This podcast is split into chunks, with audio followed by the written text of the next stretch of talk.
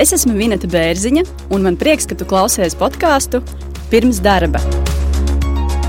Mans podkāsts ir cilvēcīgas un saprotamas sarunas par darba meklēšanu un atrašanu.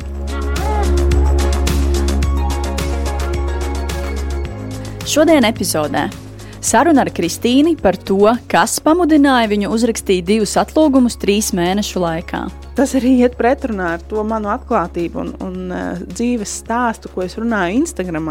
Jo, ja es sevi nesu un gribu dēvēt par veselīgu un laimīgu dzīvesveidu entuziasti, bet sēžu, uh, esmu darbā, kur, um, kurš man nesagādā prieku un uh, kurā es uh, nevis. Uh, loloju to savu veselīgo pusi, bet uh, apēdu to baltmaizi un, uh, un šokolādi, jo man vienkārši gribas sevi iepriecināt tajās darba uzdevumos, kuros man īsti nevedās rokas. Uh, nu, es sapratu, ka es esmu ļoti lielās pretrunās. Tad es aizgāju atvaļinājumā uz divām nedēļām, un es sapratu, ka es nevaru atgriezties. Es vienkārši vairs nevaru atgriezties. Otrā intervija ar Jānis Krastiņu, bijušo sportistu un pilotu, par savām atkarībām un karjeru. Jūs 12 gados esat piedzēruši, 14 gados sākat lietot narkotikas. Man nebija, jā, man nebija zālīts, nekas, es ar amfetamīnu sāku 14 gados. Tā laikā es sapratu, wow, šis ir tas, ko es gribu. Un 14 gados tā ir tā sajūta, ko es gribu darīt savā dzīvē, kā es gribu justies. Un, un 14, jā, un, un es esmu aktīvs, es esmu, man patīk viss, es visus mīlu, un es varu runāties, un es vairs neesmu kautrīgs, un man, man ir fantastiski. Man, es varu pa naktīm rakstīt mājas darbus, un man labāk skolā sakiet, man ir labāks atzīmes. Kāda problēma? man ir vienalga, ko man saka un ko par maniem domā.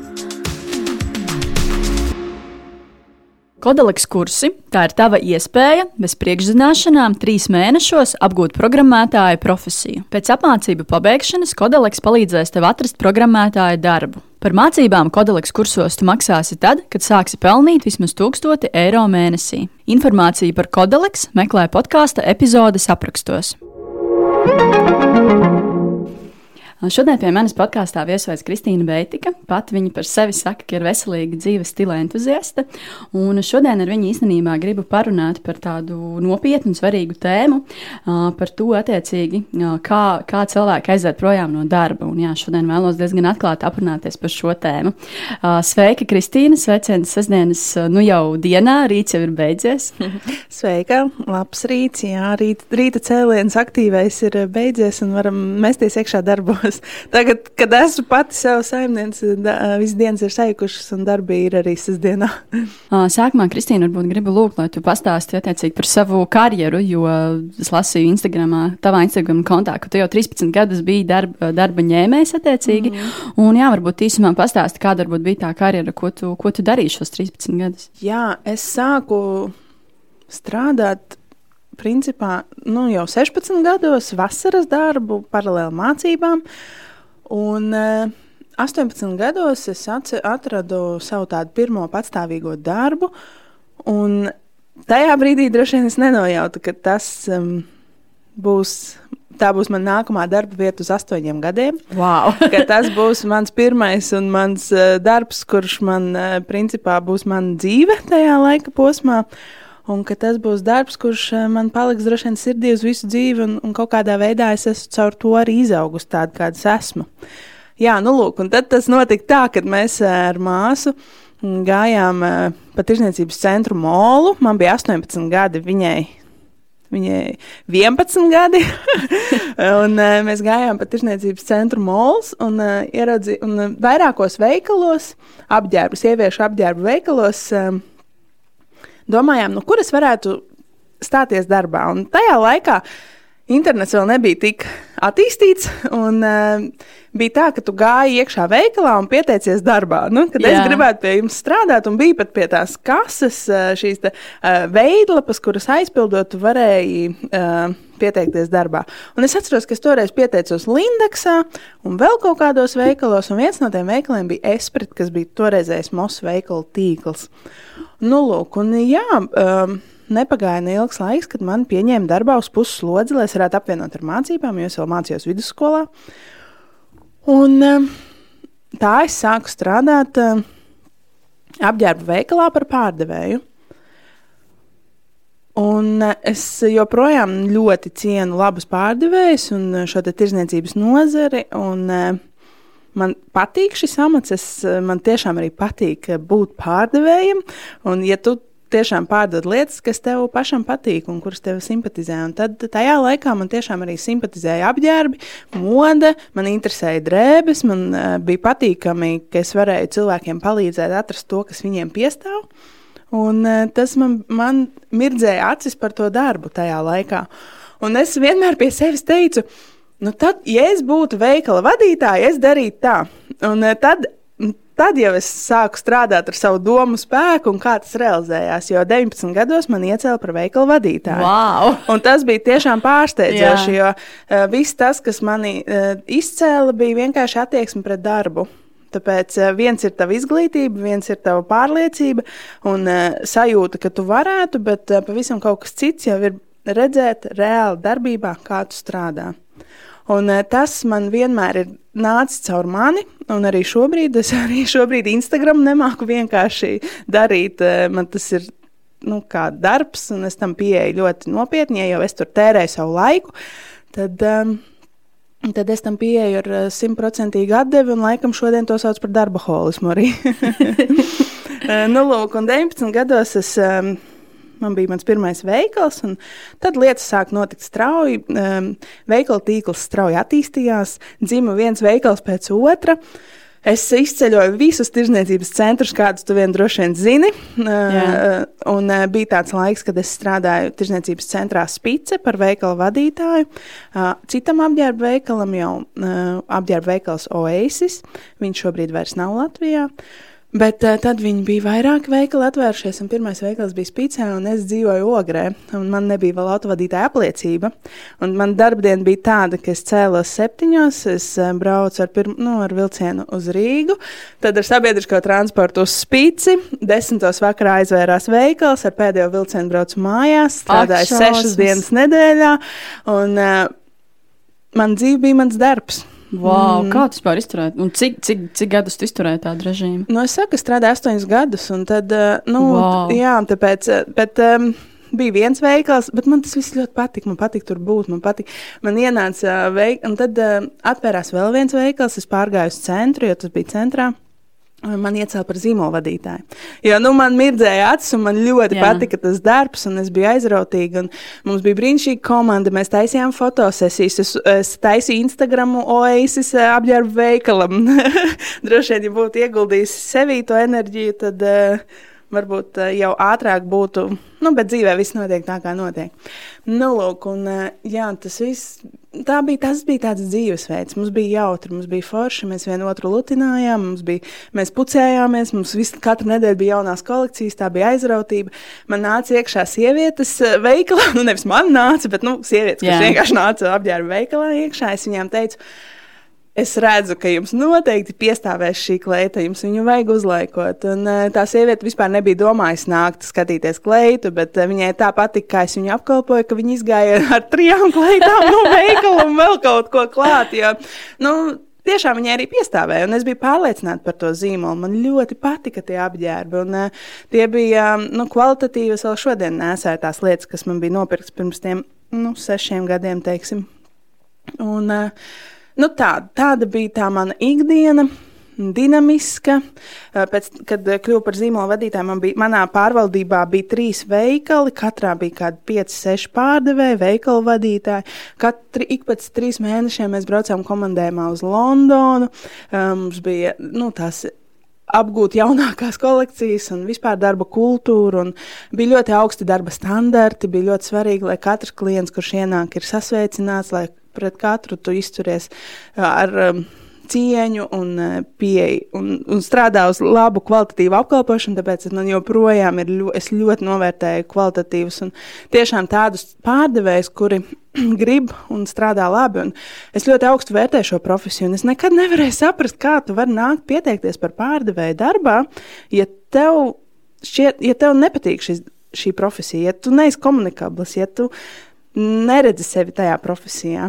Un, eh, jā, un um, vienā brīdī likās, ka uz pārdevēju, var, kad uz pārdevēju piesakās jebkurš. Nu, kad, Tā ir, jā. jā nu, kad, ko, ko es gribētu darīt? Es gribētu būt pār pārdevēju. Un tad ir tā, ka tu ej gar veikalu un redz, ka pārdevējs sēž telefonā, eh, ir neieinteresēts, tevi nepamana, nepasveicina, un tu jūties tā kā iegājis tajā veikalā. Un, nu, jūties vainīgs, ka tu tur esi iegājis un patraucējis to pārdevēju. Nu, mums tā nekad nebija. Mums visi pārdevēji, kur strādāja, viņi tiešām arī strādāja un gribēja tur būt. Tas, bija, tas nebija atsēdēt 8 stundas, vai 10 vai 12 stundas darba laiku.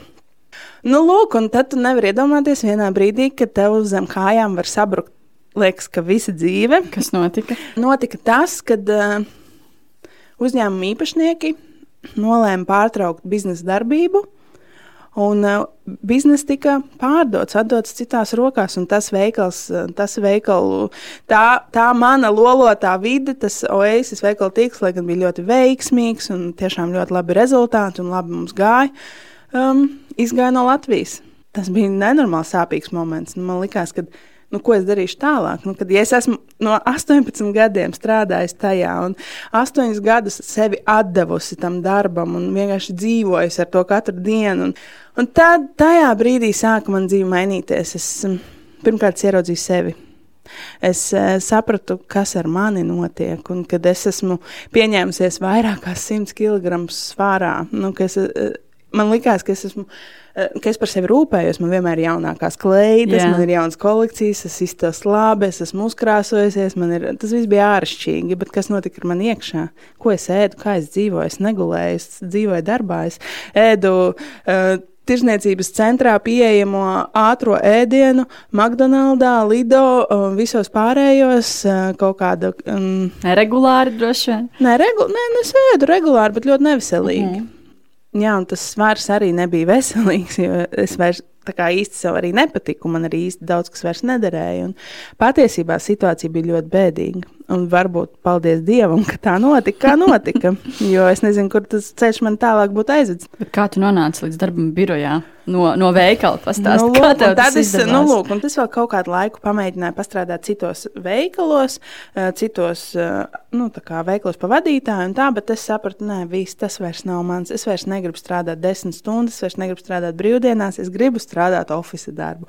Un tad man radās sapnis par manu oficiālu darbu, nu, kad es varētu būt brīnišķīgs uh, oficiāls darbinieks, un ka tas būtu lieliski strādāt piecas dienas nedēļā, ka tev nav jāstrādā brīvdienas, ka tev nav jāstrādā mm, ār, vakaros un ārpus uh, da, nu, svētku dienās. Un tā tik būtu dzīve. Un, un, un es domāju, nu, ko man darīt. Un es vienmēr esmu arī tam darbam, nu, cik nu es esmu meklējis tos darbus, bet nu, ir sanācis vairākas reizes. Esmu piegājis ļoti um, oriģināli teikšu, tā darba meklēšanai nevis to, kas ir pieejams tirgu, bet to, ko man gribētos darīt. Es vispirms iztēlojos savā galvā un, un sarakstīju uz savām lapām, ko tad es gribētu darīt un kas būtu tas mans sapņu darbs, un, un arī mainīt profesiju man gribējās.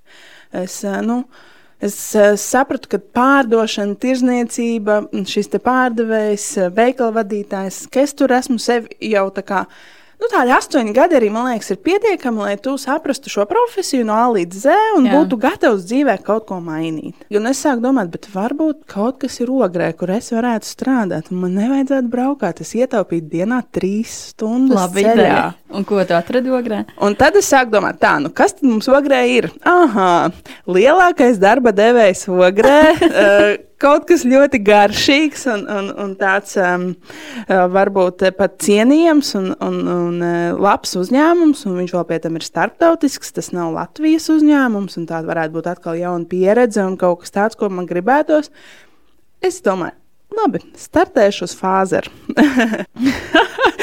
es pieteicos uz tādu vakanci, kur es pat nesapratu, kas tur ir jādara. Ražošanā? Ka, nē, nu, nu, labi, tik, tik, tik, es sapratu, ka ražošanā iet gluži es negribu. Jā. Bet man bija interese par mārketingu, un manā galvā bija sajūta, ka es jau zinu, kas ir mārketinga profesija, un ka tas noteikti ir priekš manis. nu, lūk, kāda bija realitāte? nu, lūk, un, un es nebija jau tādas vakances, Jā. mārketinga speciālista vakance, jo jūs saprotat, konkurence un īpaši reģionā, ja tas ir labs, uh, cienījams uzņēmums. Un, nu, lūk, un es kandidēju uz uh, to, kas bija, man bija galvenais mērķis iekļūt tajā fāzē iekšā Jā. un parādīt un pastāstīt par sevi. Un tad man vēl ir pārliecība, ka man obligāti vajag tikties ar cilvēkiem klātienē, un lai es varu sevi parādīt. Jo, nu, Jā, ka, pārdot jo, sevi, jā. Jā, pārdot sevi. Un tieši tā, un Kristīna izdomā, ka viņi var startēt uz uh, produktu attīstības speciālistu, un vispār nav ne jausmas, kas tur būtu jādara un kas tā ir par profesiju, bet es uh, aizsūtu ļoti motivējošu pieteikumu vēstuli, jo es jau esmu rakstītājs. Man to patīk darīt. Es uzrakstīju motivējošu vēstuli, tādu, ka pašai prieks par sevi un asaru nobirst, ka jums noteikti man jāņem darbā. Un mani uzaicina uz pārunām. Jā. Mēs tiekamies vienu reizi ar atlases kompāniju. Viņiem es iepatīkos, bet viņi nav pārliecināti, vai es tikšu galā ar darbu uzdevumiem. Viņi man nosūta tikties ar fāzeru pārstāvjiem. Un es satiekos ar viņiem, un es arī aizelsusies stāstu par sevi un visu. Un viņi saka, tu esi brīnišķīga, bet diemžēl šī vakance nav priekš tevis. Palielam droši Jā. vien, ka nav. Nu, tā mēs eh, šķīrāmies kā draugi, bet eh, ar simpātijām, bet diemžēl nu, ceļi nekrustojās. Pagāja gads, man zvana. Wow, pēc gada. Pēc gada man zvana, kad sveika, tu pirms gada kandidēji, mēs tevi atceramies. Šobrīd mums ir vakance, kas derētu tev. Super, es saku, ļoti jauki, es labprāt un metos iekšā nedomājot. Pirmais pusotrs gads tajā darbā Jā. paskrēja vienkārši kā sapnī. Un, un, un tu saproti, katru dienu ej, tev smaržo pēc svaigi ceptas maizes, tev smaržo pēc kūkām, jo tur ir arī kūku konditori. Mm. Tev tas attiec cilvēks, kur tev ļoti simpatizē, tev tas darbs liekas jauns, un tev viss interesē, kā tur tu esi satraucies, jo tu nesaproti to darbu. Arī tev liekas, ka tu saproti, bet tad, nu, tas gads arī paskrēja ļoti dinamiski, jo bija viss jauns, pilnīgi viss bija jauns. Gan tas, ka tev ir jāsēž eh, tās astoņas stundas, nevis jāstāv kājās, gan tas, ka eh, darba uzdevumi ir pilnīgi jauni. Un, un, Un tad pagāja jau tie divi gadi, un es sāku saprast, ka nu, labi, tas pirmais entuziasms ir noplacis. Jā. Jā. Tad, es sapratu, ap ko lieta grozās, es apguvu darba uzdevumus. Un eh, tajā brīvajā laikā, tu man jautāji, ko es daru brīvajā laikā, pēc tam pieciem, nu, tad tajā laikā es arī aizrāvos ar to savu otru hobiju un, un to sirdslietu, kas man ir vienmēr pavadījis, tie ir sociālie tīkli. Un, uh, Instagrams šajā gadījumā tieši šobrīd priekš manis personīgi. Un tāds kaut kāds veselīgāks dzīvesveids, kas vienmēr varbūt nevienmēr gāja roku rokā ar eh, fāzi zelta no šokolādi vai tikko ceptu kefīru baltmaizi, kur tu vari noēst visu uzreiz siltu no eh, šīs te let, nu, tās lentas. Un, eh, jā, tad es biju nonācis ar sevi pretrunās. Un arī tas eh, darbs, varbūt, ja man likās, ka manī gribas to radošumu, tad mārketinga profesija patiesībā nav nemaz tik radoša. Viņā ir kaut kāda daļa radošuma, bet viņa ir ļoti arī sistematizēta un, un diezgan daudz tehniska. Tehniski, jā. Jā, un, un, un tas atkal pilnīgi nav mans. Uh, un tāpēc uh, kaut kādā brīdī es sapratu, ka šī bija fantastiska pieredze. Es mīlu tos cilvēkus, man viņi joprojām ir labi draugi, bet man ir jāiet tālāk. Kas tas bija pa brīdi?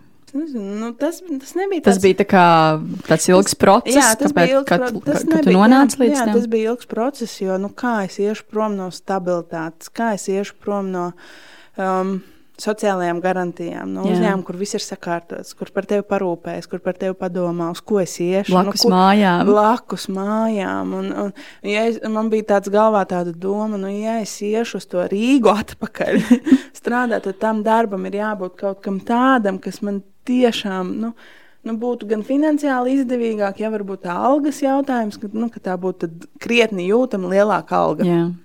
Tā būtu tā viena motivācija, un otrs, nu, kad apgūt kaut ko jaunu.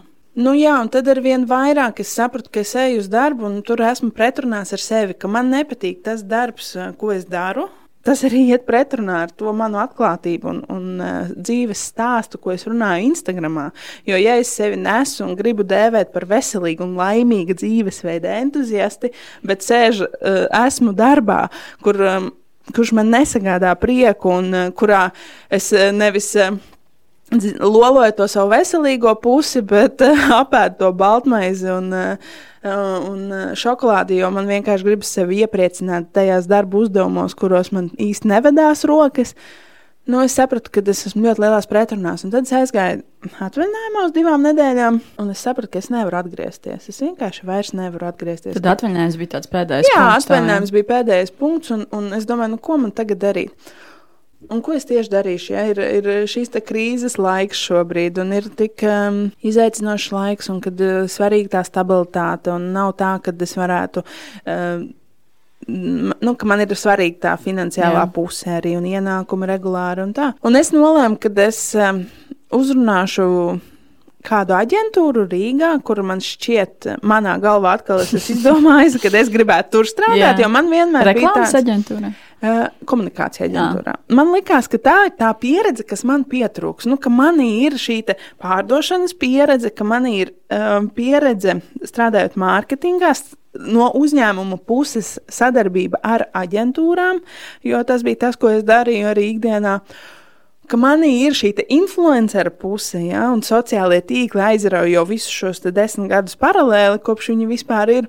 Tad, um, man, man likās, ka man nepietiek drosmes, lai es pati vadītu savus uh, kaut kādus finanšu plūsmu, savus projektus, bet ka man pietrūkst šī aģentūras pieredze un ka man noteikti vajadzētu pastrādāt kādā aģentūrā, lai saprastu, kā ir būt tajā pusē. Jā, un es uzrakstīju atkal pieteikumu, es pieteicos, aizgāju uz interviju, izturēju konkursu, vairākas kārtas, vairāki uzdevumi, viņi man gaidīja, paldies viņiem par to. Un es uh, sāku strādāt tur.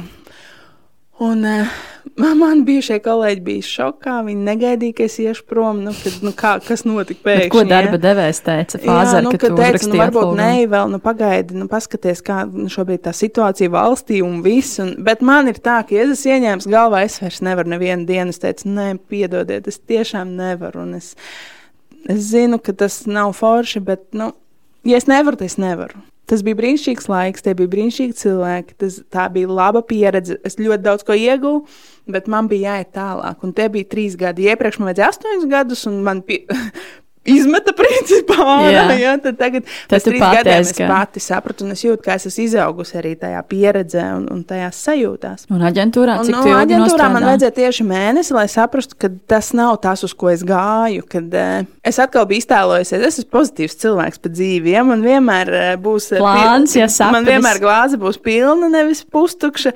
Un uh, man, uh, es esmu savā galvā iztēlojusies lietas labāk nekā viņas ir realitātē. Es kaut kādā savā burbulī dzīvoju, un tur tas tas ir forši, bet reizēm ir ļoti labi izkāpt ārpus tās komforta zonas un izkāpt ārpus tā burbuļa, lai saprastu, ka dzīvē vispār notiek citādāk. Un, bet kas notika aģentūrā? Kā tu saprati? Man vienmēr licies, ka es gribētu strādāt aģentūrā, ka tas ir ļoti interesants, aizraujošs, dinamisks, kas tāds arī ir darbs. Un iespējams, ja toreiz mani būtu paņēmuši, kad es divreiz startēju vienā konkrētā, kur man likās, ka es gribētu tur strādāt, iespējams, tas būtu bijis īstais laiks un īstā vieta, un es tur būtu ļoti guvusi labus panākumus panākums. Bet um, šobrīd es esmu kā, vēl soli virs tā. Nu, visam šim paralēli, tiem oficiāliem darbiem, arī fāzerā esot un visur paralēli, ir bijis mana Instagram dzīve. Un kaut kādā brīdī, tad, kad es tam vairāk sāku pievērsties un sāku to attīstīt, un kā, sāku saprast, kā veidot to saturu, es gribētu teikt, ka manī ir tāda profesija, kura vēl nav kvalificēta, kura vēl nav atzīta. Ja? Nu, kad nav vēl saprotama, kas tā ir par profesiju. Jo gluži influenceris nav profesija, Jā. bet uh, es gribētu teikt, ka es esmu pēc profesijas satura veidotājs. Un es varu veidot saturu gan sev, gan uh, citiem uzņēmumiem, gan arī uh, citiem cilvēkiem. Un tas ir tas, ko es esmu jau pēdējo laiku, kaut kādus divus gadus paralēli darījusi. Bet kas ir tādi mazie projekti, kuriem es nedevu ticību sev, es nedevu tam tādu lielu ticību, ka tas varētu būt kaut kas liels, no kā es varētu arī dzīvot, ka tie varētu būt mani regulārie ienākumi. Un patiesībā, ka tur jau ir mana sirds un dvēsele attiecībā uz darbu. Nu, lūk, tāpēc man likās, ka man vajag to aģentūras pieredzi. Es strādāju mēnesi, un es sapratu, ka man nevajag to pieredzi, ka manī jau tas viss ir. Jau viss ir. Un kad es varu eh, varbūt pat viņiem dot no sevis, eh, kā pēc savas. Vairāk tā, nekā viņi tev. Nu, nu, protams, ka nu, negluži tā, es negribētu teikt, bet uh, savos 31 es tā vairs nevaru.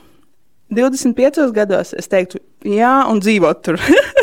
burtiski tur dzīvot ar to darbu un būtu ļoti droši vien laimīga. Man tas patiktu, jo, diemžēl, es esmu darba holiķis.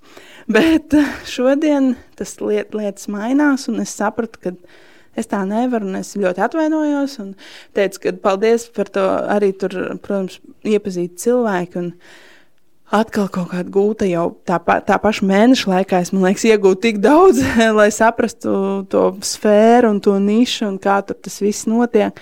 Ka man ar to pietika, lai es būtu pilnīgi, lai es, lai es pieaudzētu savu pašpārliecinātību. Saka, lūdzu, vai tev bija plāns, tad, kad tu rakstīji atlūgumu aģentūrā? Ko darīt tālāk? Man bija ideja. Nu, nezinu, nu šodien es pulcēju 12,000 sekotāju Instagram, un es uh, Mans mērķis, vairs, mans mērķis nav sasniegt 15,000 vai 20,000. Protams, ir patīkami, ka cilvēki nāk klāt, un tas liecina, ka viņiem ir interesanti. Bet caur šo es esmu sapratusi, ka Instagram tas ir kā rīks, kā tāda platforma, caur kuru tu vari vienkārši atrādīt un parādīt savus sevi kā cilvēku, vai kā cilvēku, vai kā profesiju, un tā tālāk. Un es redzu to otru pusi cik nesakārtot ir daudziem šie sociālie tīkli. Un, un īpaši šobrīd, kad viss notiek internetā, daudz, nu, kad daudz kas notiek internetā, cik tas ir svarīgi, lai tu sevi prezentētu pietiekami kvalitatīvi. Un tas, tā mana vīzija un tas mans redzējums, kuram man nepietika drosmes spērt soli, bet šodien es esmu viņu jau spērusi, tad eh, tā, es jau kādu laiku palīdzu citiem attīstīt viņu sociālos tīklus, un es redzu, kā varētu izveidot stratēģiju, kādu komunikāciju tieši no savas pieredzes. Man ir pazīstami citi influenceri, es saprotu, kā ar viņiem vajag strādāt. Ne visi, es saprotu, ka šī informācija, kas ir jau manī, ko es esmu pati gadiem un stundām tērējis laiku, pērkot no krievu blogeriem, no visādiem eh, daudz dažādiem pasaules resursiem, eh, apgūst šo informāciju, ka es to varu šobrīd dot citiem. Un man, es sevi esmu sasniegusi tajā Instagramā, Jā. teiksim tā, ja? nu, tā kā savu to apmierinājusi, tiek, uz ko es tiecos, varbūt visu laiku tur pēdējos, tur, nezinu, cik 4, 5 gadus ļoti cītīgi strādājot ar savu saturu, lai viņš būtu interesants ne tikai man un maniem draugiem, bet arī cilvēkiem no malas. Un, un tas ir nācis pilnīgi dabīgi. Es esmu caur to izveidojis tādu trīs mēnešu kursu programmu. Vai es pareizi saprotu, ka tas ir tas, ar ko tu plāno jā. nodarboties un pelnīt jā, naudu nu, šobrīd? Jā, vien, vairākas sfēras ir. Jā, nu, manā Instagramā var redzēt arī sadarbības reklāmas. Un manā Instagramā būs šīs reklāmas, un e, būs sadarbības e, reklāmas, par kurām es saņemu naudu. Jo es zinu, ka šī tēma ir sensitīva, un ka ļoti daudziem ir, kā, nu, ir ļoti daudz negatīvā.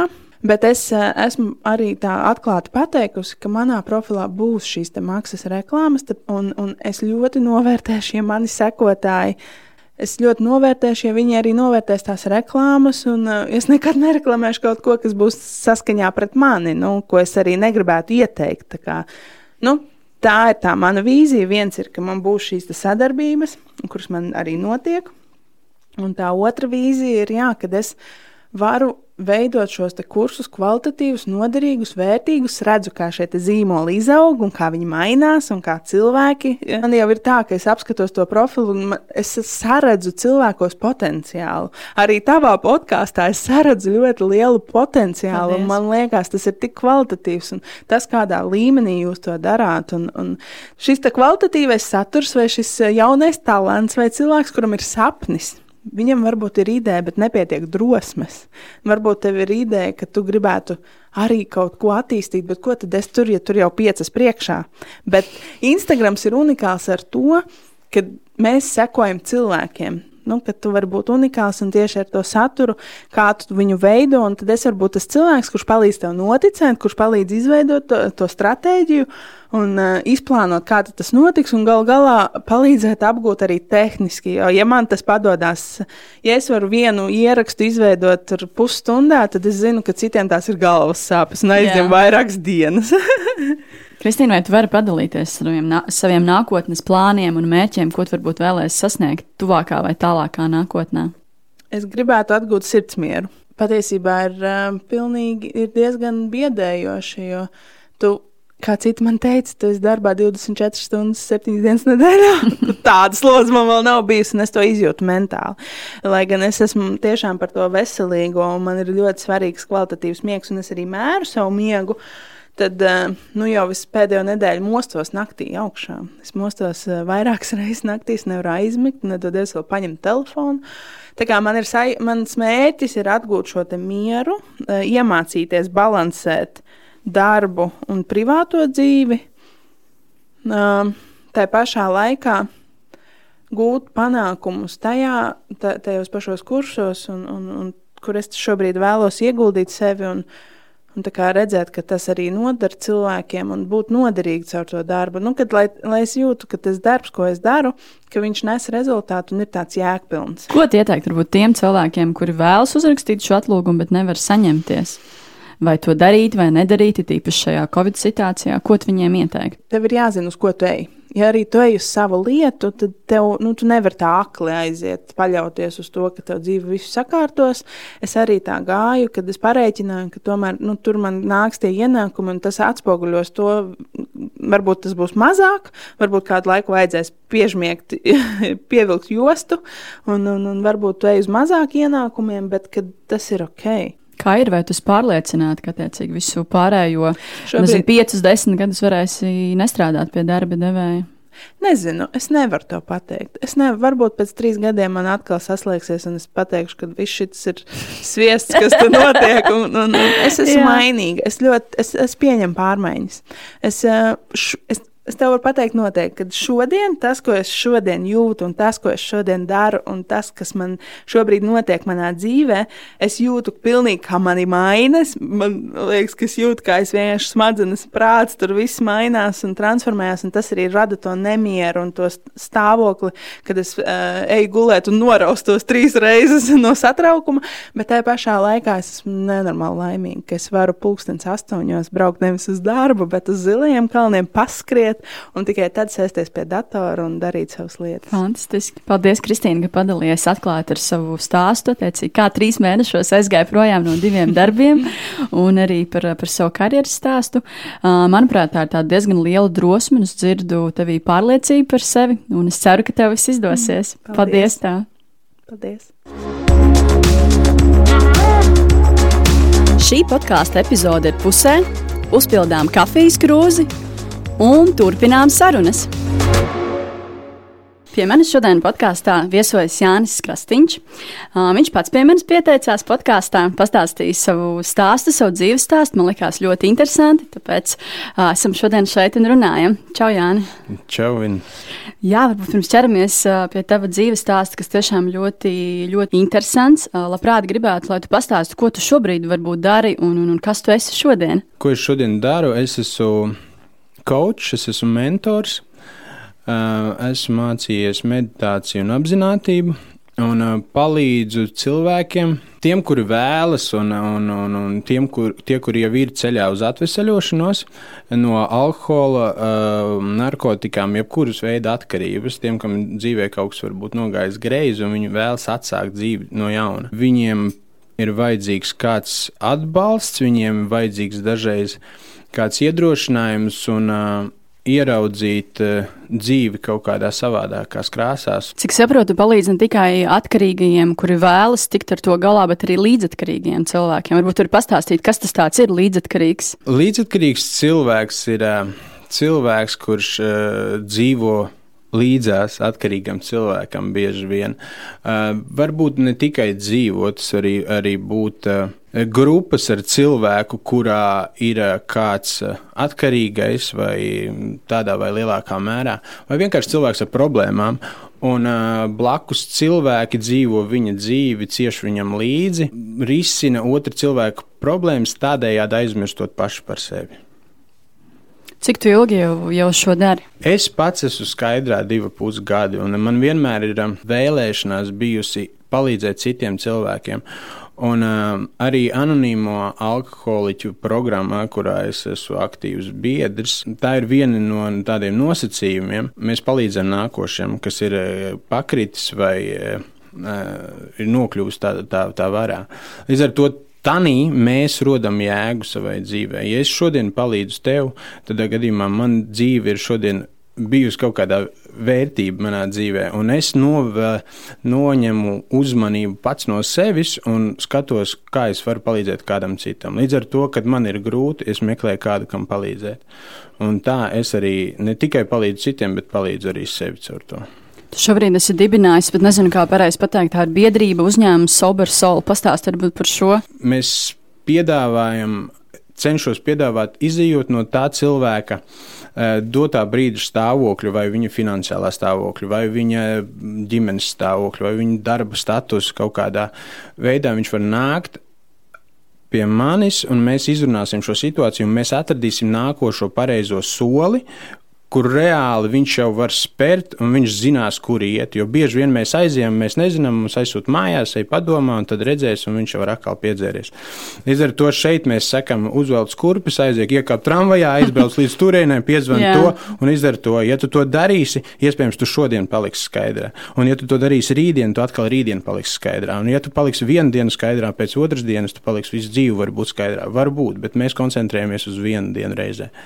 Tas arī ir viss. Jā. Vai pie tevis var nākt uh, cilvēki, kuri šobrīd lieto alkoholu, narkotikas vai ko citu, vai tomēr jāpaiet kaut kādam dienu skaitam, kad šim cilvēkam uh, jābūt nezinu, tīram, nezinu, kā to pareizi pateikt latviešu, un tikai tad pie tevis var nākt?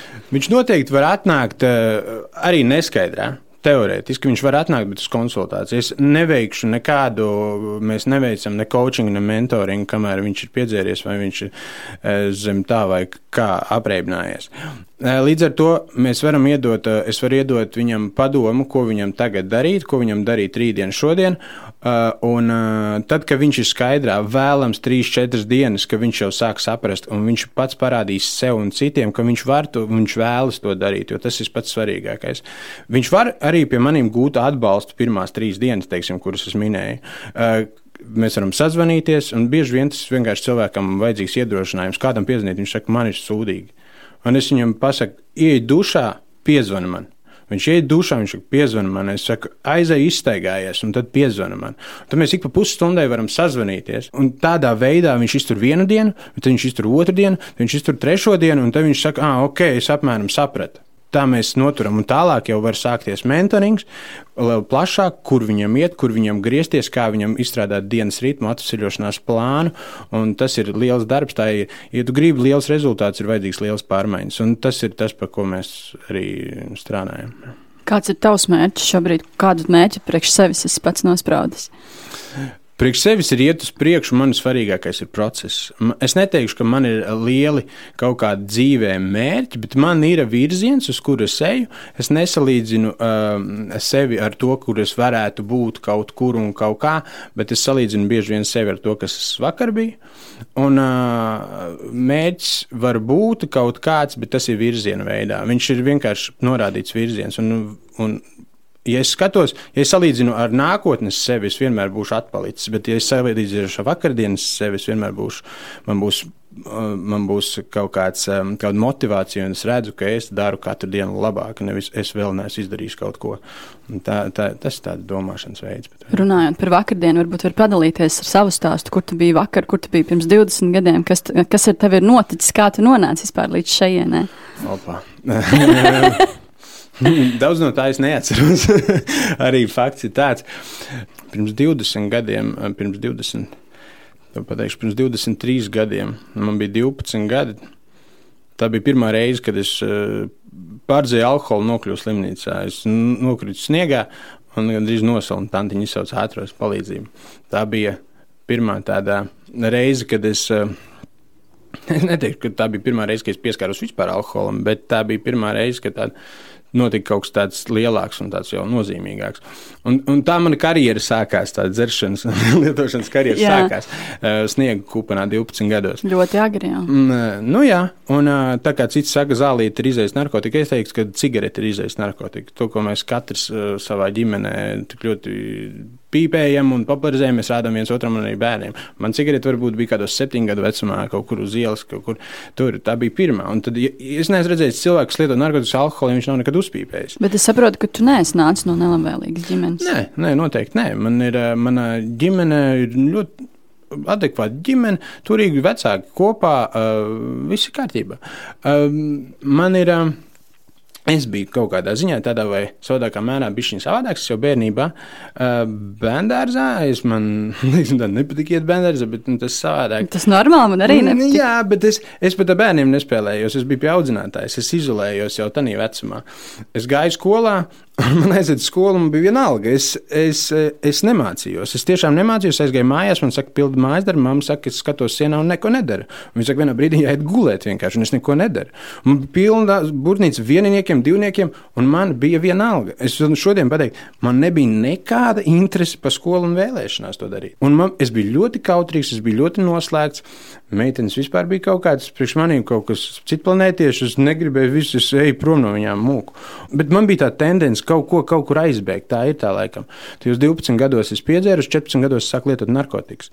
Man nebija, jā, man nebija zālīts, nekas. Es ar amfetamīnu sāku 14 gados. Tanī laikā.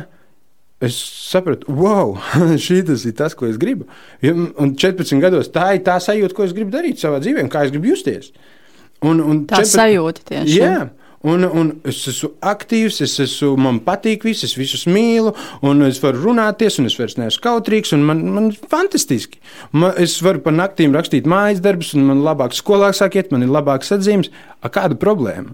man ir vienalga, ko man saka un ko par maniem domā. Līdz ar to 14-gadīgam puikam nebija nekādas iespējas tajā brīdī. Man, man var teikt, vecāki jau kaut ko klausīs, tas ir slikti, man kaut kas tur būs vai kas. Es saku, man ir super.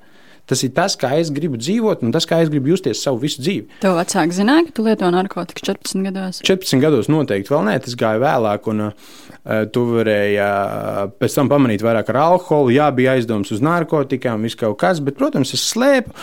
Kāds redzēja, kāds neredzēja, kāds saprata, kāds nē, pusauģis tā dara. Tas bija ļoti slīdens jautājums. Otrkārt, es nodarbojos ar sportu jau mm, no 8 gadu vecuma profesionāli. Es biju desmit cīņā. Mm, ļoti labi rezultāti. Galu beigās man bija desmitiņa juniora Latvijas rekords. Es braucu pasaules Eiropas čempionātiem, man bija, es biju ļoti talantīgs.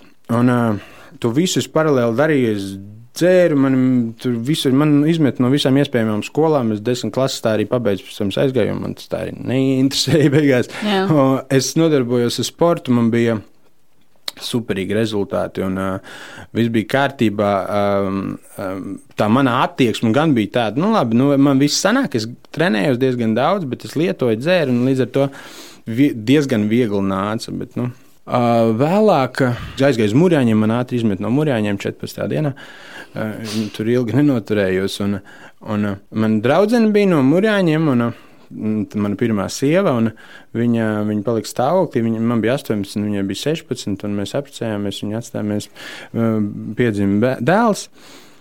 Mēs sākām dzīvot vēlāk kopā. Un, Mm, es, es nevarēju turpināt sportot vienā brīdī, jo man bija muguras trauma, man bija, man bija um, diska trūcis, un es nevarēju sportot. Es biju pabeidzis desmit klases, es lietoju narkotikas diezgan aktīvāk, jau tad sāku lietot, jo ne, nu, man saka, tas viss pazudis. Mans, es biju tas, kas sportoju, es biju tas, kas it kā kaut ko dara, mācās it kā kaut ko, bet tā bija tāda mana identitāte, sports. Lielākā daļa manas dzīves bija sports. Un tad, kad man viņi noņēma nost, es nezināju, kas es vairs esmu. Bija jautājums, vai es iešu strādāt. Man būs ok, strādāt. Es nekad nestrādāju, un es nesaprotu, kas tas ir un kāpēc tas jādara. Cik tev bija gadi? Man bija tur 18, 19, Jā. jau tur tādā laikā bija. Un, vai 20 jau bija. Un man bija tā, ka es jau biju tā uz ielas, bišķiņa jau tur, nu, vairāk tā tusējos jau ar tiem džekiem jau. Un, un, kas ir tie džeki? Tie džeki, kas ir, ko jūs zinat, tie tur tie, tie, tie dīvainie tur uz ielas, tie ar kapišoniem, tādi gopņi, kā saka. Un, un, un, un, nu, un es kaut kādā ziņā tāds arī kļuvu agrāk vai vēlāk. Nu, Lieto narkotikas, alkoholu, taisa sūdzes. Nu, kā, nu, džeki, bet tā jau nopietnāk. Braukā ar mašīnām un tur, tur, tur nu. Es negribu izstāstīt, jums būs jāiesēdina. Bet bija diezgan traki, un uh, es pazudu. Ar to sportu es pazudu pats, un, un tad es nevarēju tā, es nekur neesmu, man ir desmit klases, es neko nevaru saprast. Es, tad tādā, es lietoju tās narkotikas, domāju, ko darīt, ja es, nu, gadījumā kļūtu par pilotu, kas tas būtu, bet nevaru saprast. Es sapņoju par to. Ja? Es nesapņoju, es vienkārši man tā ienāca prātā, jau davai es būšu pilots. Un, un, 18 gados. Na, jā, 18, 19 gadi. Nu, man tie, tie gadi baigi grūti, viņi, jo viņi tur beigās miglā. Un viņš ir kā, davai. Un es domāju, es būšu pilots, aizēju pie tēva. Saku, Mm, tā es būšu pilns. Viņš ir klausies, tev desmit klases, neko neesmu pabeidzis. Nekad neesmu mācījies. Tev nu izmests no četrām skolām. Tu vispār nekā nesaproti. Kāds pilots? Jā, kas tu pa pilotu? Es saku, pagaidi, pagaidi. Saku, nu, mēs varam sākt ar teoriju. Tur nav daudz naudas. Ja tev man sanāk, tas pirmā, pirmā daļa Pirmā daļa, un, uh, un uh, tad, tad, tad mēs ejam tālāk. Un līdz ar to tas, tas, tas investīcijas viņas pakāpeniski ir. Ok, un tā arī es sāku mācīties. Es, es, es lietoju, bet es mācījos. Es sāku, es, man angļu valodā viss mācīja, ne, man krievu valodā bija angļu materiāli, krievu valodā man bija privāta pilota licence, ka es noliku. Es noliku privātu pilota licenci. Un, uh, es sāku lidot jā, uz mazajām lidmašīnām. Man bija, man bija privāta pilota licence. Un tad man tas viens etaps bija iziets, jo es tāds sprinters, es kaut ko izdaru, un pēc tam jāatpūšas šausmīgi. No, tad es šausmīgi sāku atpūsties.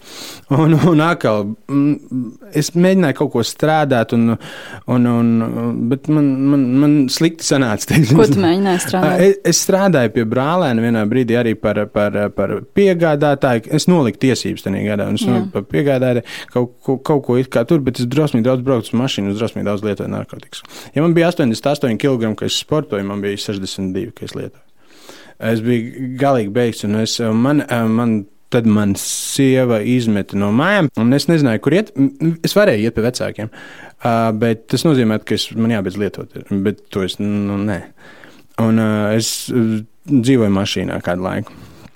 Un es biju uz ielas, un es neko, un tad māsas atnāca un teica, nu, varbūt tu jāiet ir rehabilitācijas centrā. Un man tur bija idejas, šādas, kā, kā varētu vēl savādāk. Nu, tas ir tipiski. Tev ir problēma, ir jāārstējās. Es saku, ok, nu es jūtu, ka man ir jāārstējās. Varbūt Lūks, man nav, jo viss man bija galīgi sūdīgi. Es biju galīgi zemē, un es neko negribēju. Un es, eh, es aizgāju sākumā pie psiholoģijas, man gāja, bet, bet nu, tā psiholoģijas gājiens arī bija viena reize.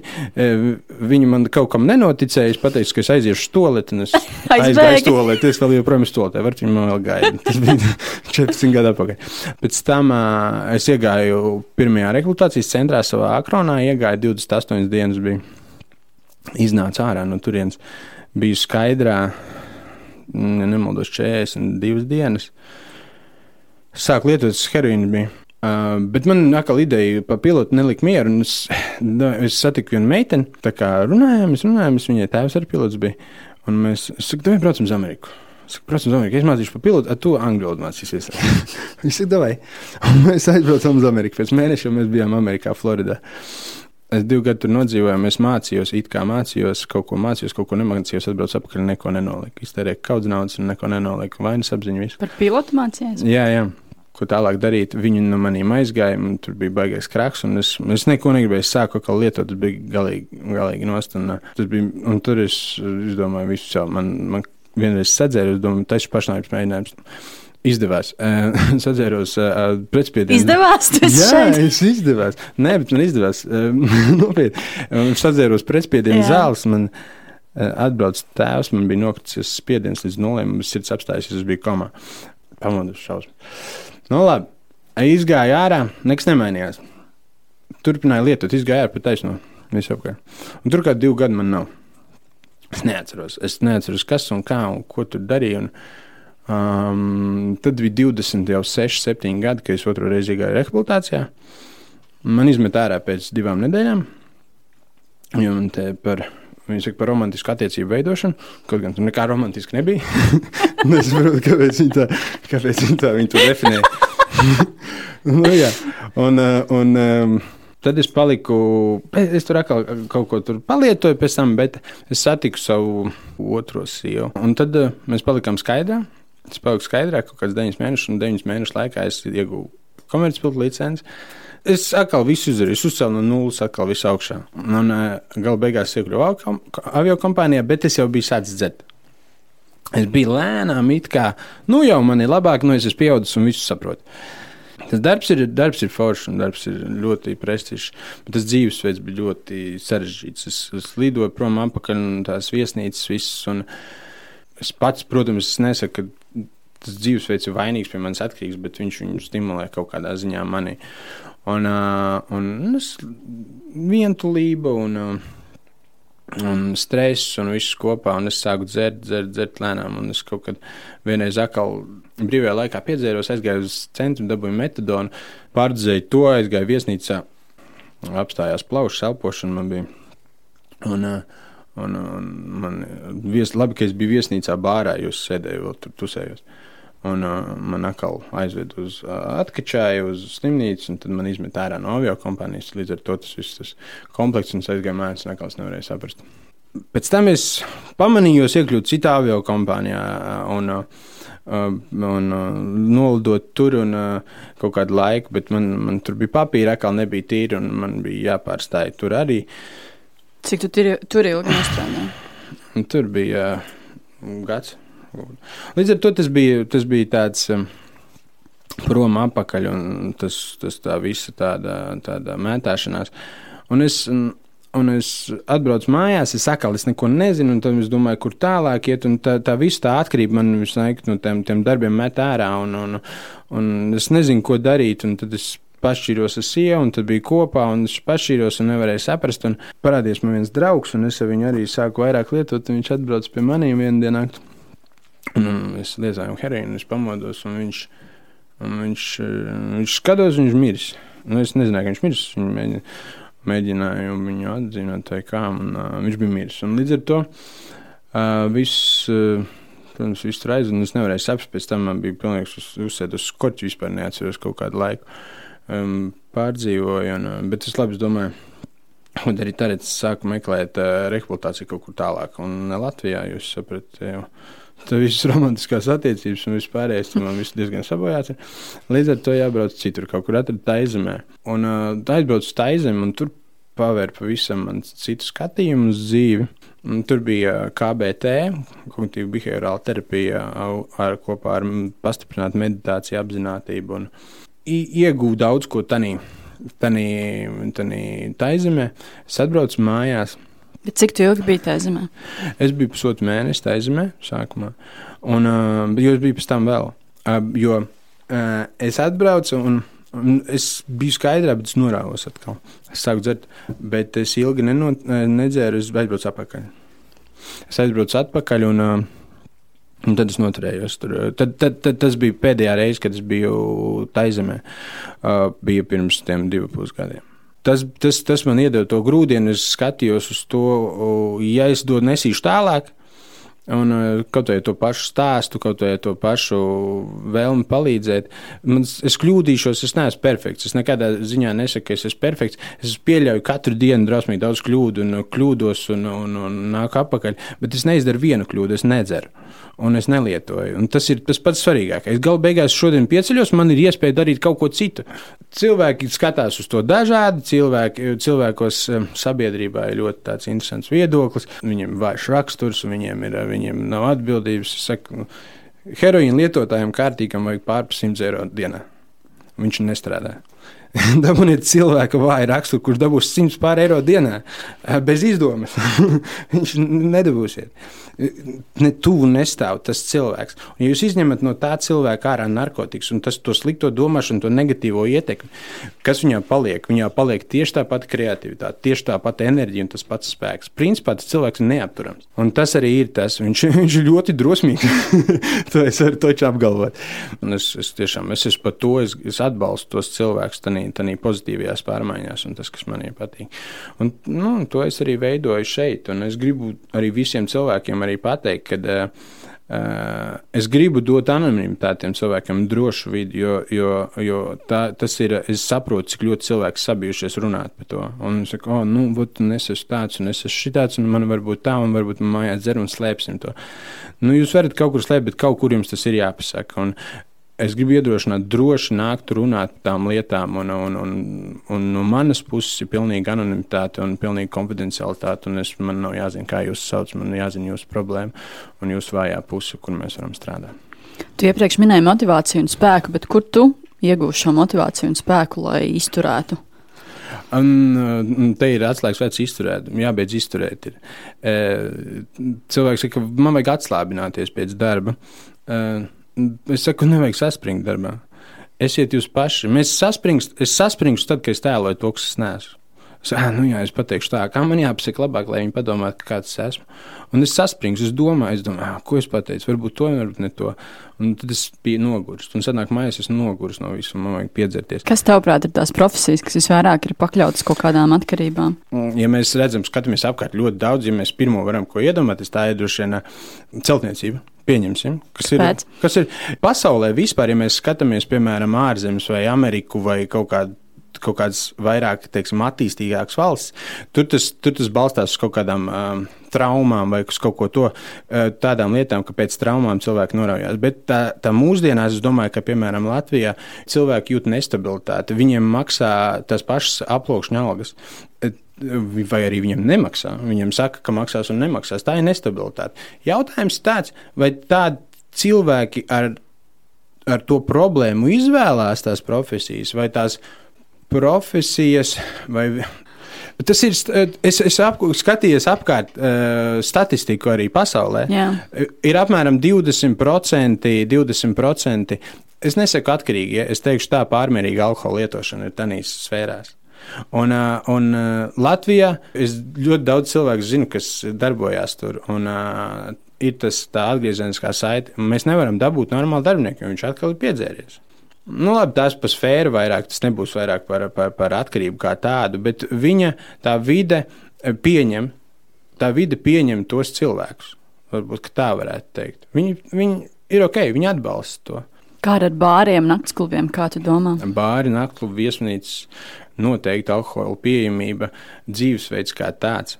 Uh, Darbs naktī bārā. Darbs naktī bārā. Kāpēc? Lai es nedzertu. Es Vai ne? nezinu iemeslu, nezinu. Es pat es īsti pats nevaru saprast. Ko tu domā par tādām profesijām, kur, piemēram, grūti iziet no sava tēla, piemēram, sportists, politiķis, nezinu, citām profesijām? Jā, e, sportists, politiķis. Tas sports ir tieši tas, kas, ka, ka, ko es teicu, man sākumā bija.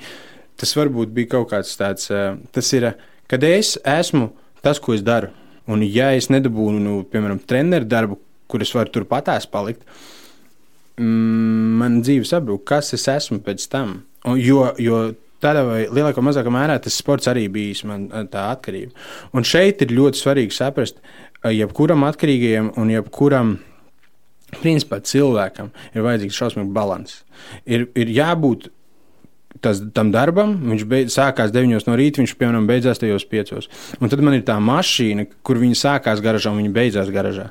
Viņa nav man mājās pie sienas. Man ir piemēram bērni, bet arī bērni vai ģimene. Viņai arī jābūt savai robežai. Un kur es esmu es pats? Un tas ir tas jautājums, vai es esmu mana ģimene, vai es esmu mans darbs, vai es esmu mana mašīna, vai tas, ja man mašīnas nav, un es, es tad kā es cilvēkos nevaru iet. Tāds apjukums rodās cilvēkā. Un, uh, Un, un mēs pazaudējam savu identitāti līdz ar to, ka mēs pazaudējam savu darbu. Varu.